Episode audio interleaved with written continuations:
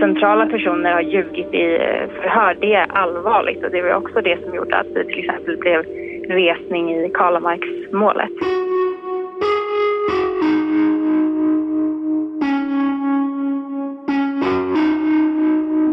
Allvarlig kritik mot mordutredningen riktas av juristen och före detta åklagaren Marie Wallin. Ja, men jag satt ju och lyssnade på det här ute i varmt väder och jag blev liksom kall. Tycker du att Sondo skulle ha dömts? Ja, men på det som jag ser här så har ju inte jag ens en gärningsbeskrivning. Och med det sagt så kan inte jag se att man kan döma någon när vi inte ens vet när brottet skedde. Så liksom, svaret är nej, för jag får inte ihop gärningsbeskrivningen. Marie Wallin har arbetat i flera år som åklagare. Just nu jobbar hon med att utbilda poliser i just frågor om objektivitet och hur man ser till att få rätt person dömd för ett brott. Det finns ju mycket att säga om det här, för jag tycker att det är för mycket brister och för mycket frågetecken. Ni ska strax få höra vad det är som gör att hon menar att Sondo aldrig ens borde dömts för mordet i Brandkärr och varför hon nu menar att han bör få resning från sitt fängelsestraff. Ni ska också få höra en av Sondos medfångar berätta om fallet. Kaj Linna satt tillsammans med Sondo på Salberga och reagerade redan då över den svaga bevisningen i fallet. Det är ju väldigt problematiskt det här unga vittnet och det är det enda som han eh, så att säga är utpekad på. Och att eh, döma någon på ett eh, vittne som kan ifrågasättas, det funkar ju inte. Va? Det här är ett extra avsnitt av Spår om brandkärrsmordet med Martin Jonsson och Anton Berg.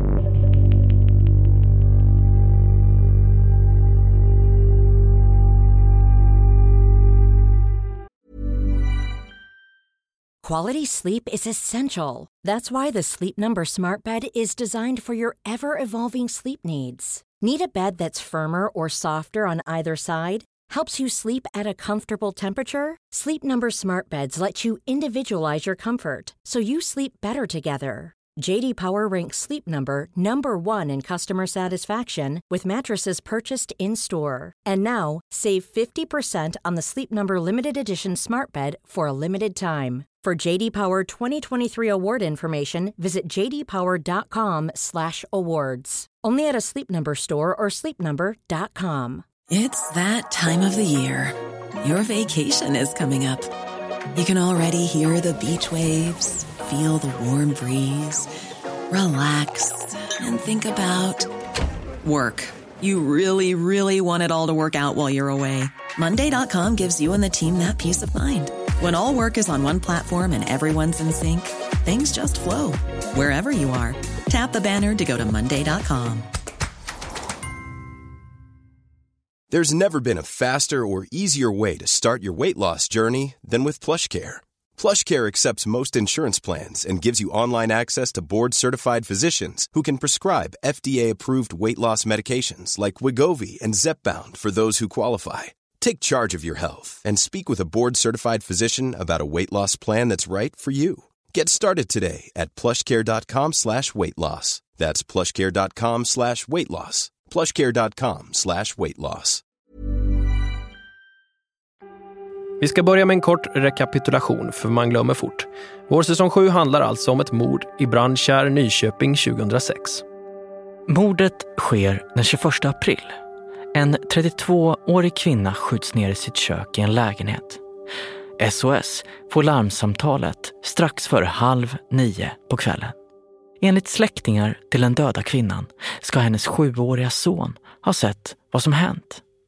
Pojken ska ha varit med i köket och bevittnat hur en omaskerad man skjutit pojkens mamma. Enligt släktingarna säger pojken att det är den lokale krögaren Sondo som är mördaren. Polisen griper Sondo tidigt på morgonen dagen efter mordet. När pojken förhörs dagen efter mordet bekräftar han att det är Sondo han sett skjuta ihjäl sin mamma och sen riktar vapnet mot pojken, men utan att trycka av. Men det saknas teknisk bevisning. Inget mordvapen finns. Inga spår hittas efter mördaren på platsen. Det finns ingenting, förutom pojkens vittnesmål, som binder Sondo till brottet. Ändå döms han för mordet i både tingsrätt och hovrätt. I tingsrättens dom skriver man att pojkens vittnesmål är trovärdigt och saknar motstridigheter. Men när Spår får ut videofilmerna med förhören så ser vi att det inte stämmer. Vi har låtit tre experter på barnförhör gå igenom filmerna med den sjuåriga pojken. Alla tre bekräftar att det finns motstridigheter. Bland annat säger pojken att mördaren kom hem till dem varje dag. Sondo säger att han aldrig varit där och pojkens biologiska pappa säger att Sondo har varit där, men bara en gång. Vilken av de här tre versionerna som stämmer med verkligheten, det är inte utrett. Däremot menar åklagaren att mordet måste begåtts runt klockan åtta genom att basera en beräkning på vad pojken berättar om vad han gjorde efter mordet och innan telefonsamtalet rings till SOS. Just den här tidpunkten, omkring åtta, har Sondo använt sin elektroniska nyckel för att öppna och stänga dörrarna i garaget under en restaurang han driver i centrala Nyköping. Han kan därför ha hunnit ta sin bil, köra den till mordplatsen, skjuta kvinnan och sen hinna tillbaka. Det här resonemanget köper tings och hovrätten och Son Do döms till livstids fängelse. Men ingen av alla hundratals grannar har hört något skott i området vid klockan åtta. Och den uppgift om att likstillhet funnits i kroppen redan halv nio tar varken polis eller rättsinstanser någon notis om. Eller att det enda vittne som säger att hon sett en man nära klockan åtta på kvällen springa från platsen. Ja, hon säger sen i rättssalen att det är inte Sondo som hon har sett. Spår hittar dessutom ett samband mellan personerna kring pojken som inte tidigare varit känt. Offret och hennes första man, alltså pojkens mamma och pappa, har kommit till Sverige genom att gifta sig med personer ur en och samma vietnamesiska familj i Nyköping.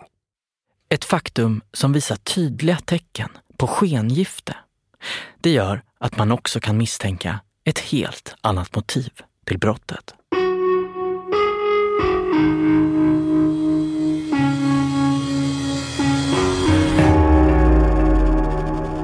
En av de personer som tipsat oss om det här fallet, det är Kai Linna, som alltså suttit inspärrad tillsammans med Sondo på Salbergaanstalten i mitten av 2010-talet. Alltså jag satt ju med honom på Salberga och eh, upplevde honom som eh, en jävligt trevlig person på alla sätt och vis. Noll, procent våldskapital i den mannen. Så, men eh, det var väl mer efteråt när jag började sätta mig in i hans fall. Att jag förstod att det här, det här, det här kan inte ha gått rätt till. Problemet är att det sitter ganska många oskyldiga på livstid. Jag tror jag är uppåt en fem, sex stycken. Och du tror att Sondo är en av dem? Absolut, absolut. Kan du vara konkret här? Det är ju väldigt problematiskt det här unga vittnet och det är det enda som han eh, så att säga är utpekad på. Och att eh, döma någon på ett eh, vittne som kan ifrågasättas, det funkar ju inte. Det, det, håller ju inte. Det finns ju ingenting annat som talar för att han skulle kunna vara gärningsmannen. Det finns väldigt mycket som talar emot det och det är ju det som är genomgående i alla de här fallen. Att man eh, domstolen hänger upp sig på en enda sak och struntar i hur absurt det är. Liksom. Det, och bortser det från mycket. Har du lyssnat på vår säsong om, om fallet? Jajamensan. Det vi får fram är ju att han har eh, ett släkt, att det finns en kon, liksom misstänkta äktenskap i bakgrunden här, skenäktenskap som, som finns i den här familjen som är knuten till pojken och styrpappan och biologiska pappan där. De har liksom affärer ihop det sättet? Ja, det var ju lite nytt för mig den här man kallar för båtflyktingskulturen, eller man ska kalla det för det. Det var ju nytt för mig i och för sig, men igen då, det, det, det stärker ju bara liksom bilden av att det här behöver nog utredas mycket, mycket, mycket noggrannare än vad det har gjort. Så, så sitter en oskyldig dömd.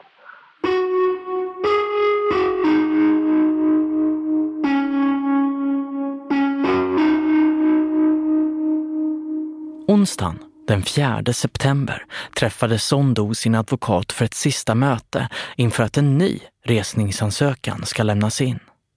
Mötet skedde på Johan Erikssons advokatkontor och Elsa Segeros är den som gjort det mesta av arbetet i ansökan. Eh, ja, planen är att den ska lämnas in till Högsta domstolen den 1 oktober. Kan du berätta om hur ni argumenterar lite kort? Ja, eh, resningsansökan innehåller flera olika delar och moment men det som är helt centralt när det kommer till resning är ju nya omständigheter.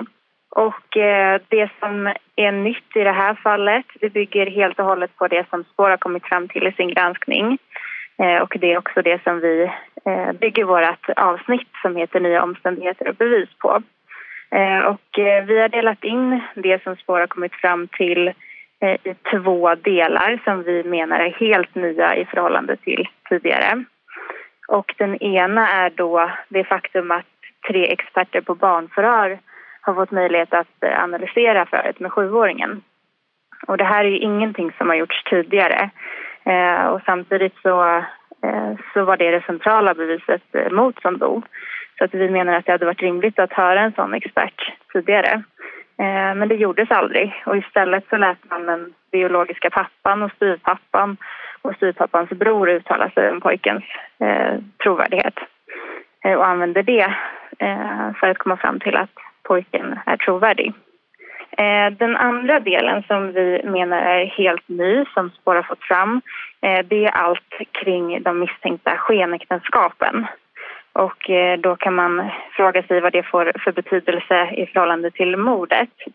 Eh, och där menar vi att det framkommer ju dels en alternativ motivbild och sen innebär det också att det nu är klarlagt att huvudpersonerna i målet hela tiden har haft någonting att dölja, att de också har ljugit i förhör. Eh, och det är också de här personerna som själva har varit med osanning som har uttalat sig om att pojken är trovärdig. Eh, och allt det här så argumenterar vi juridiskt kring i vår resningsansökan och menar att det är sånt som innebär att det eh, nu finns grund att bevilja resning. Eh, och att centrala personer har ljugit i eh, förhör, det är allvarligt och det var också det som gjorde att det till exempel blev resning i Karlamarksmålet. Så vi menar att det är på, på samma sätt här. Just det. Mm. Ja, men och sen så finns det andra delar som måste också vara med i resningsansökan. Du kan väl bara kort berätta om dem? Jätteschematiskt. Ja, ja, men då är det ju dels eh, bara rent juridiskt formalia, yrkanden, grunder eh, där vi begär att eh, som då ska få resning. Sen är det ett avsnitt som kallas för bakgrund så att man ska kunna ta den här resningsansökningen och, och läsa det som och förstå hela målet genom att läsa bakgrunden helt enkelt. Sen så finns det ett avsnitt som heter eh, oklarheter och kritik mot förundersökningen och tingsrätten och hovrättens dom. Och där lyfter vi fram mycket sånt som också Spår lyfter fram i eh, granskningen men eh, som inte direkt är nytt, eh, men ändå som man bör ha med sig. Jag kan tänka mig till exempel fotokonfrontationen där då. Exakt, sådana saker mm. eh, som, som ändå gör att eh, den grunden man har att utgå ifrån är väldigt svag. Domen är väldigt svag. Eh, och sen så nästa avsnitt heter omständigheter i tidigare resningsansökningar. För där har det ju framkommit viktiga grejer som man ändå ska ha med sig eh, i, inför prövningen av eh, den här resningsansökningen.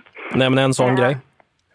Det är ju till exempel det som Kristoffer Stare tryckte mycket på i sin resningsansökning angående tidpunkten för mordet. Att det, det finns stora tvivel kring när mordet faktiskt ägde rum. Hur är känslan nu då? Eh, vi är, eh, vi är peppade. Vi eh, tycker att det är en stark resningsansökning som vi lämnar in. Och vi känner oss hoppfulla.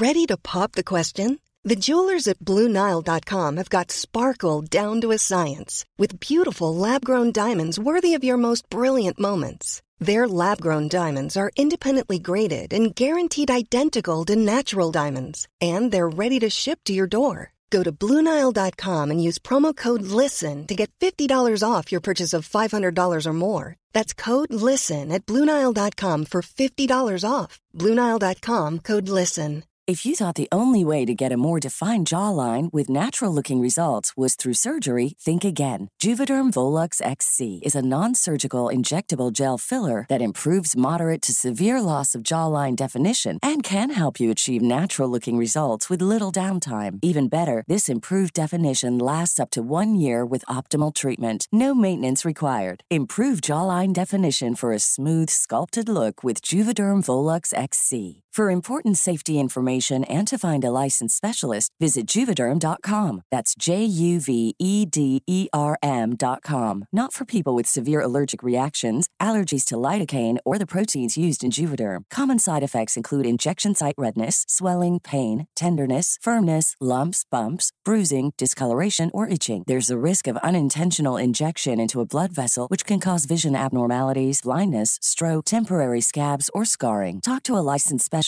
to find out if it's right for you. Quality sleep is essential. That's why the Sleep Number Smart Bed is designed for your ever evolving sleep needs. Need a bed that's firmer or softer on either side? Helps you sleep at a comfortable temperature? Sleep Number Smart Beds let you individualize your comfort so you sleep better together. JD Power ranks Sleep Number number 1 in customer satisfaction with mattresses purchased in-store. And now, save 50% on the Sleep Number limited edition Smart Bed for a limited time. For JD Power 2023 award information, visit jdpower.com/awards. Only at a Sleep Number store or sleepnumber.com. Och så då till den kritik som den före detta åklagaren Marie Wallin riktar mot det tidigare polisarbete som gjorts i fallet. Det är värt att poängtera att Marie Wallin nu fortfarande arbetar på polis och åklagarsidan. Det är sällan man får någon från den sidan att kritisera andra polisers eller åklagares arbete. Just nu så utbildar hon en av våra polismyndigheter i kvalitetssäkring. Enkelt uttryckt kan man säga att man inte bara griper en person som utfört brottet, utan man ska också gripa rätt person. Som åklagare var Marie Wallin van vid att poliser tyckte att hon var citat en jobbig jävel. Ja, ni kommer kanske förstå varför. Ja, jag heter Marie Wallin. Och är vad då? Jag är jurist, men har varit kammaråklagare i Stockholm och jobbar nu fortsatt med straff och processrätt, men utbildar och undervisar polisen både på nationell nivå via Polishögskolan men även på lokal polisområdesnivå. Det gick ju till så här faktiskt att vi fick kontakt och jag bad att, dig att lyssna på vår säsong, då, våra fem avsnitt om fallet i Bransch. Mm. Då. Och under tiden som du gjorde det så fick jag en del med sms av dig mm. som var lite småupprörda. Så vad, vad, tänkte du efter att du hade lyssnat här? Vad var din liksom bedömning av vår granskning? Ja, men det var ju dels att um jag kunde inte egentligen vänta till alla fem avsnitt för jag såg i början redan, men gud, hur har den här fotokonfrontationen gjorts? Att jag eh, såg att ni hade hittat saker som, som var direkt, som jag ser, fel. Alltså hur man gör de här uppmuntrande kommentarerna till den personen som tittar i en fotokonfrontation. Alltså det var ju de här små nedslagen i, i det. Mm. Um, eh, ihop med att jag tyckte att ni höll eh, Eh, en, om man säger er, er eh, objektivitet i det. Att ni inte heller bara sprang och sa det här är fel. Och det var väl därför jag tyckte att det här var ett intressant ärende att titta på. Att det inte bara blev att nu har polis och åklagare gjort fel och nu ska vi se till att eh, de som har gjort det här ska liksom upp till någon form av medial bestraffning.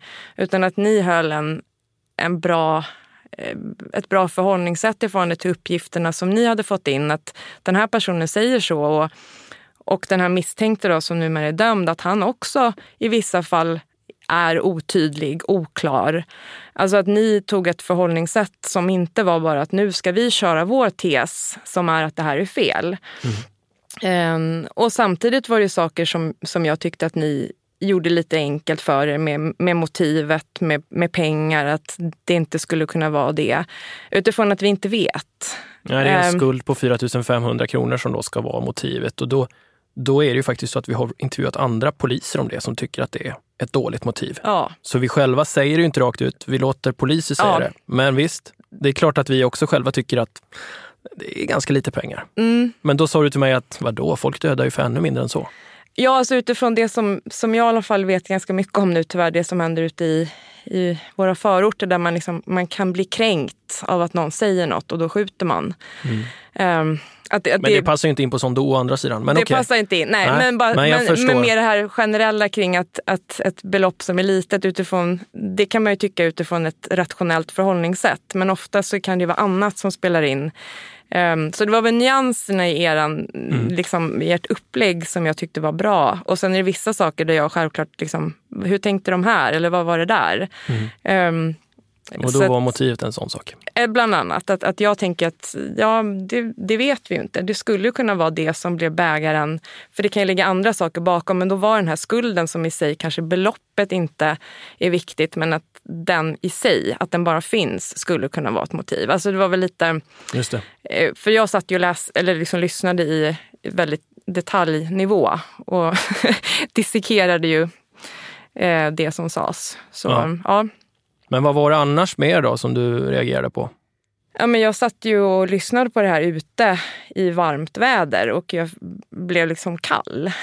och, och, den känslan är svår att beskriva men att nej, det här är inte riktigt så som jag är lärd eller så som jag lär ut kring hur den misstänktes historia behandlas. Um, där det är ju misstänkt person som är huvud um, ja, den personens beskrivning av händelseförloppet. Det är ju det som är grunden i en förundersökning.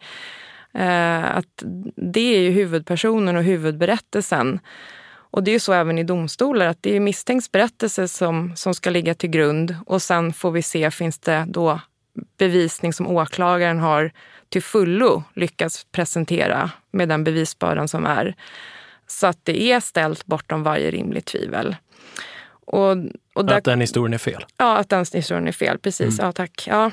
Och här satt jag och funderade, hade frågetecken. När är dödstidpunkten? När skedde mordet? Påstådda mordet? För vi har uppgifter om när det rings in. Det är dokumenterat. Och vi har uppgifter från en person som, som jag menar inte har särskilt högt bevisvärde, som säger någonting om tiden. Sjuåringen? Sjuåringen. Mm. Som då är både närstående och barn och dessutom inte blir rättssäkert hanterad i den här förundersökningens start. Att han är eh, i sammanhang med närstående eh, till honom själv och till offret, släktingar till hans eh, biologiska pappa samtal som kommer till honom via någon telefon, via utlandet, någonting. Um, och då, då gör jag en jämförelse med om man tänker man ska säkra spår. Det är väldigt noga där med att det inte får, som man säger, kontamineras. Polisen går in, man tar med speciella handskar eller man har speciella kläder ibland för att man inte ska smitta med sina fibrer om det är kläder. Och sen att man har de här beslagspåsarna eller spårsäkringspåsar. Alltså just för att kunna säkra att ingenting har kunnat tillföras. Och då översätter jag det till muntlig bevisning, i det här fallet den här pojken. Och där är ju han alltså i ett sammanhang där han inte är så här försluten då, om man jämför med, med som en påse. Um, Ja just det, du skulle vilja lägga honom i en tänkt påse. Ja. Liksom. Ingen får prata med honom. Nej, och det är lite polis gör. Det är så faktiskt som det ska göras rent uh, metaforiskt. Ja. När du åker ut till en plats med en brottsplats, då är det direkt, vittnena ska inte prata med varann. Vad tänker du om det här telefonsamtalet som man får när han väcks med en örfil? Ja, det är ju mycket tankar såklart kring att vad sades där? I förhållande till att han inte verkar må bra av det som sägs. Um, det finns ju tre vittnen där, och en polis och två, en kurator och en fältassistent som mm. vittnar om den här händelsen och deras versioner är samstämmiga. Mm. Ändå hörs ingen av dem i tingsrätten. Nej. Nej men det, det är det där som är att är man, är man seriös i förhållande till att den misstänkte i den här förundersökningen säger jag har inte gjort det. Um, det är väl den frågan jag har. Har man verkligen tagit hans ord på allvar? När han säger att det var inte jag. När det finns väldigt mycket fråga, eh, att, att, att ifrågasätta kring det här huvudvittnets utsaga. Det blir, det blir hans, pojkens historia som blir huvudhistorien. Du tycker det? Ehm, Ja, det, är det, det var det som var min när jag lyssnade på eran första, liksom, när jag lyssnade igenom. Att eh, det är, en, det är en annan typ av ansats i förhållande till muntlig bevisning. Det, Alla förhåller sig egentligen till pojkens version, inte Ja. till Sondos version. Nej. Och du menar att man ska förhålla sig till den misstänktes? Ja, och- och utifrån att det också är det här med hur vi bevisvärderar. När vi har en pojke som både är barn, så det är videoförhör. Redan där ska man iaktta stor försiktighet. Att det dessutom är närstående. Och sen den tredje delen att han inte heller har varit, om man säger försluten då, om vi skulle säga det som i motsvarande vad man gör med spårsäkring.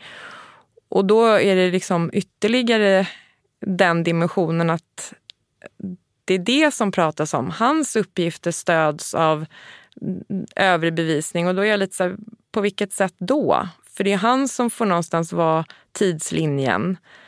Det är han som får berätta att det var ett grovt olaga hot också. Det är bara honom man pratar med kring eh, vem det skulle ha varit eller det- det, är- någonstans hans historia som mäts. Du sa till mig att allting kommer från ett håll här.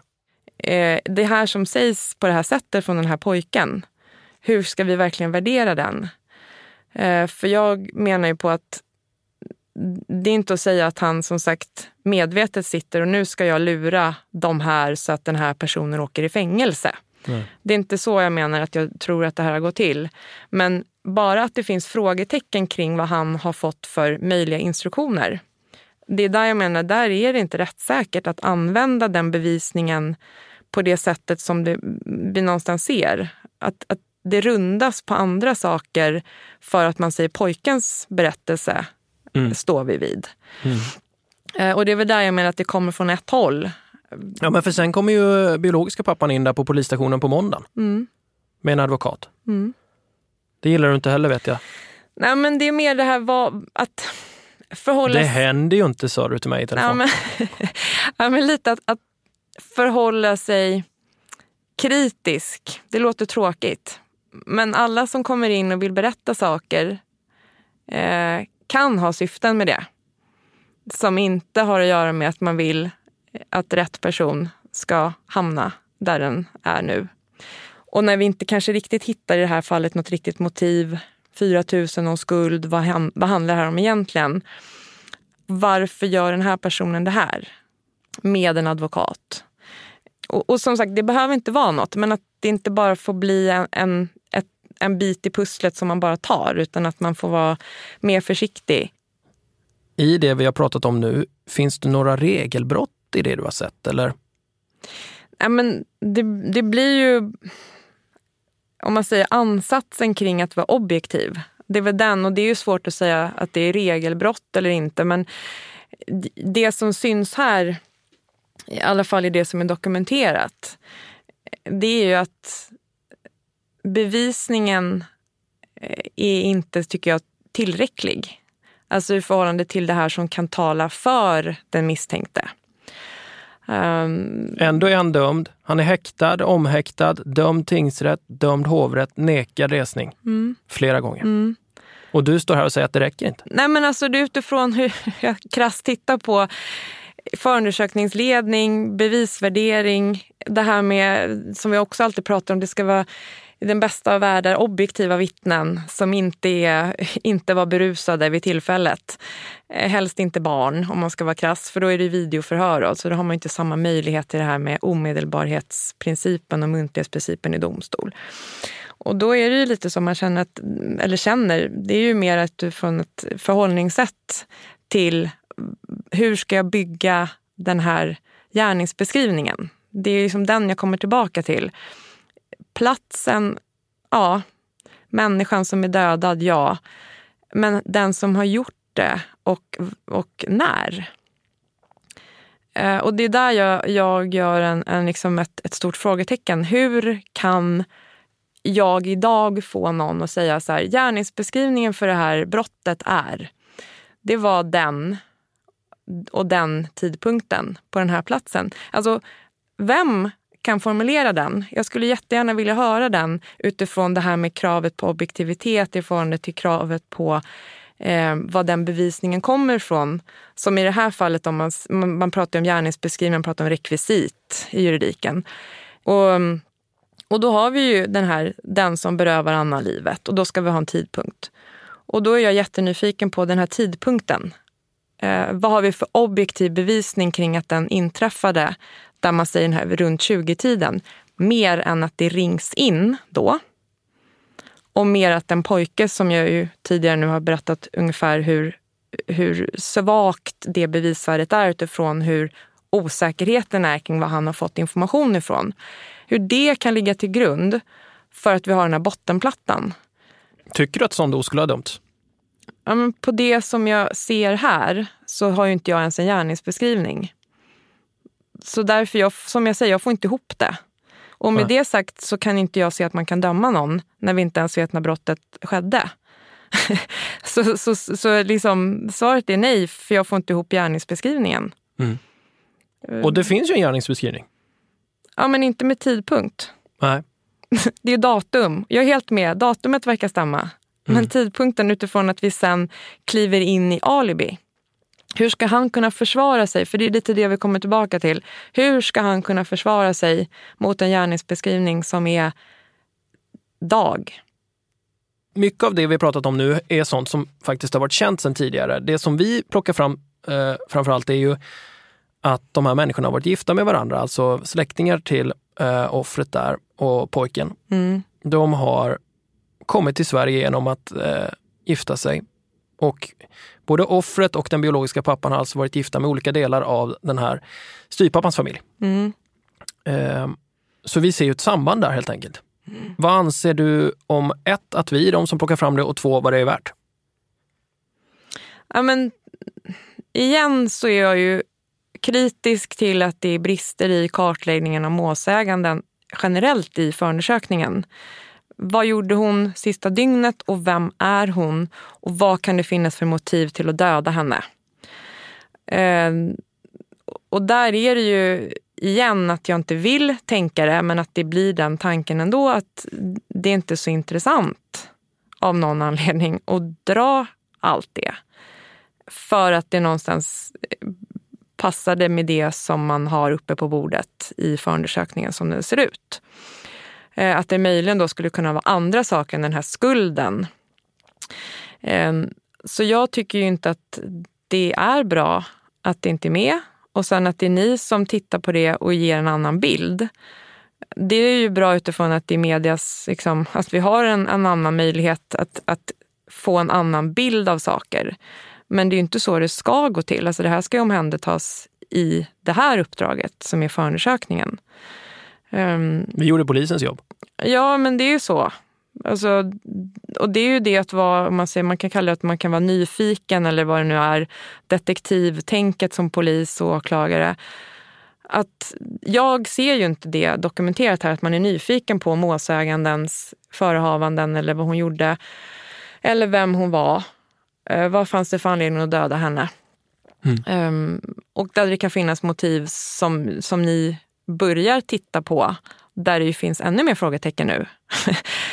och, och borde finnas ännu mer skäl att verkligen kartlägga. Så mm, dåligt är det ju. I förlängningen så tycker du då alltså att han borde få resning också då? Ja, men jag skulle ju vilja att det här verkligen prövas. Och, och tillbaka till att jag vet ju inte själv, jag har ingen aning. Det kanske är han som har gjort det, alltså rent krast. Men utifrån de beviskrav vi har och hur vi ska bygga en förundersökning så tycker jag att för Sveriges del, alltså som en rättsstat, att få det här prövat. Alltså, och är det rätt så är det rätt. Men upp med en gärningsbeskrivning som håller och pröva den. Och få den bestämd till en tidpunkt som vi kan stå i objektivt. Ehm, kan man inte precisera gärningsbeskrivningen bättre i tidpunkt än till ett visst dygn? Då håller det inte. Inte utifrån att det inte finns någon annan bevisning här som mm. knyter gärningspersonen till platsen. Jag kommer klippa ut det här och börja programmet så här. Är det mm. okej? Okay? Ja. Mm. Det är ditt program. ja, men du ska inte känna att jag hår eller förvinklar dig. Men jag vill ju vara så konkret som möjligt här, för mm. vi har haft ett långt samtal här där, vi, mm. där vi rör oss ibland bland sjukt nördiga grejer. Ja. Men jag jag fattar att du inte vill hänga kollegor eller före detta kollegor. Det är jävligt känsligt ju. Mm. Eh, men jag tycker ändå att du är skarp här. Du säger inte som olika akademiker vi pratar med eller experter från den sidan som brukar säga att det är anmärkningsvärt och sen så säger de inte mer. Mm. Och då får man tolka dem och så egentligen menar de det här är för, här, det här är för jävligt. Mm. Eh, men du är ju väldigt tydlig tycker jag med att du tycker inte att han ska vara dömd. Nej men det är ju för att jag inte själv får ihop grunden. och Nej. utan grunden så har vi inget hus. Alltså det är så. Jag, och det är så här, jag säger ju inte att det inte skulle kunna vara han, men jag vill bara, jag vill bara se huset. Liksom. Det är ju så. Ja. Um, vad är bottenplattan? Och hur har man byggt det här utifrån det som är tanken med en rättsstat? Jag vill kunna följa Men varför, det här. är, varför är din åsikt så, så väsensskild då från framförallt åklagare men även domare i tingsrätt hovrätt? Och Nej, men jag Högsta vet domstolen. inte. Jag, jag är ju i en, i en situation där jag också undervisar om det här med gärningsbeskrivning, nördigt, teoretiskt. Vi måste bygga vårt brott för att sen kunna... är du för noggrann? Nej, men jag vet inte. Det är upp till andra att bedöma i så fall. Men i så fall skulle de inte valt dig som utbildare kan man ju tänka då. Nej, jag vet inte. Jag uppfattas ju ibland som jobbig.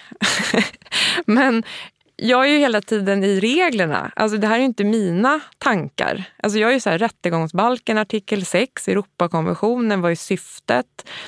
Eh, misstänkt berättelse ska ligga till grund. Har vi inte någon bevisning som kan eh, någonstans styrka en be- beskrivning av ett brott, Mm. ja, då ska vi ju inte jobba i det brottet. Alltså jag är ganska, eh, utifrån det till det, jag lägger mig platt. Har du ett brott och allting har bevisning, ja men då ska vi ju köra.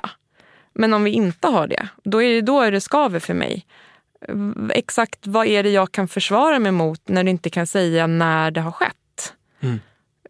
Och det är egentligen så här, det är därför inte jag vill göra någon poäng av att det här är något som är extremt komplicerat eller att jag har tänkt till, utan det är grundläggande förundersökningsledning. Du har ett brott och så ska du ha bevisning kring det. Mm. Och brottet i sig i det här fallet kräver en tidpunkt. Just det. Och sen hittar inte jag den tidpunkten. Är det någonting annat? Vi har pratat länge men, är, eh, och vi har pratat mycket och hit och dit. Men, men är det någonting annat som vi, du tycker att vi bör ta upp innan vi avslutar?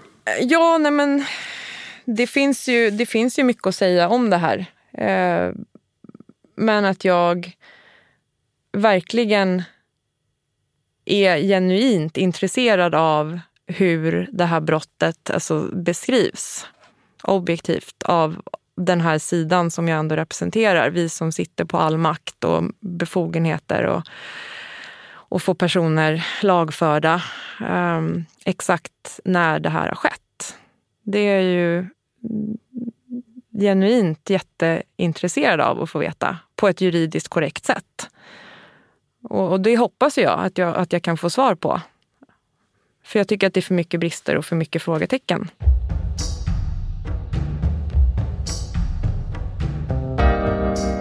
Den 1 oktober är alltså datumet när Sondos nya resningsansökan, den tredje i ordningen, lämnas in till Högsta domstolen. Under tiden genomgår Sondo utslussningsanpassningar. Han arbetstränar och förbereder sig för ett liv i frihet. Hans straff löper ut i april nästa år.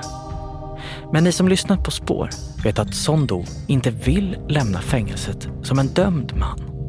Han vill bli friad.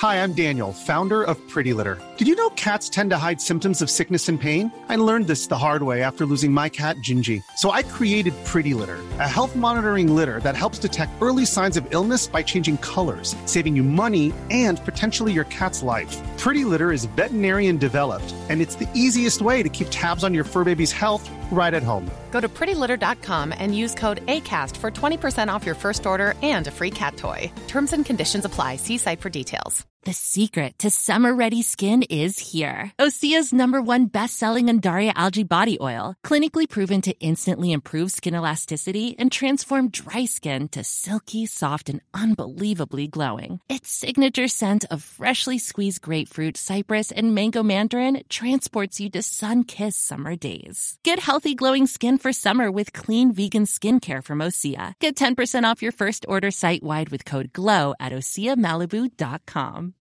When you need mealtime inspiration, it's worth shopping Kroger, where you'll find over 30,000 mouthwatering choices that excite your inner foodie. And no matter what tasty choice you make, you'll enjoy our everyday low prices, plus extra ways to save, like digital coupons worth over $600 each week. You can also save up to $1 off per gallon at the pump with fuel points. More savings and more inspiring flavors make shopping Kroger worth it every time. Kroger, fresh for everyone. Fuel restrictions apply.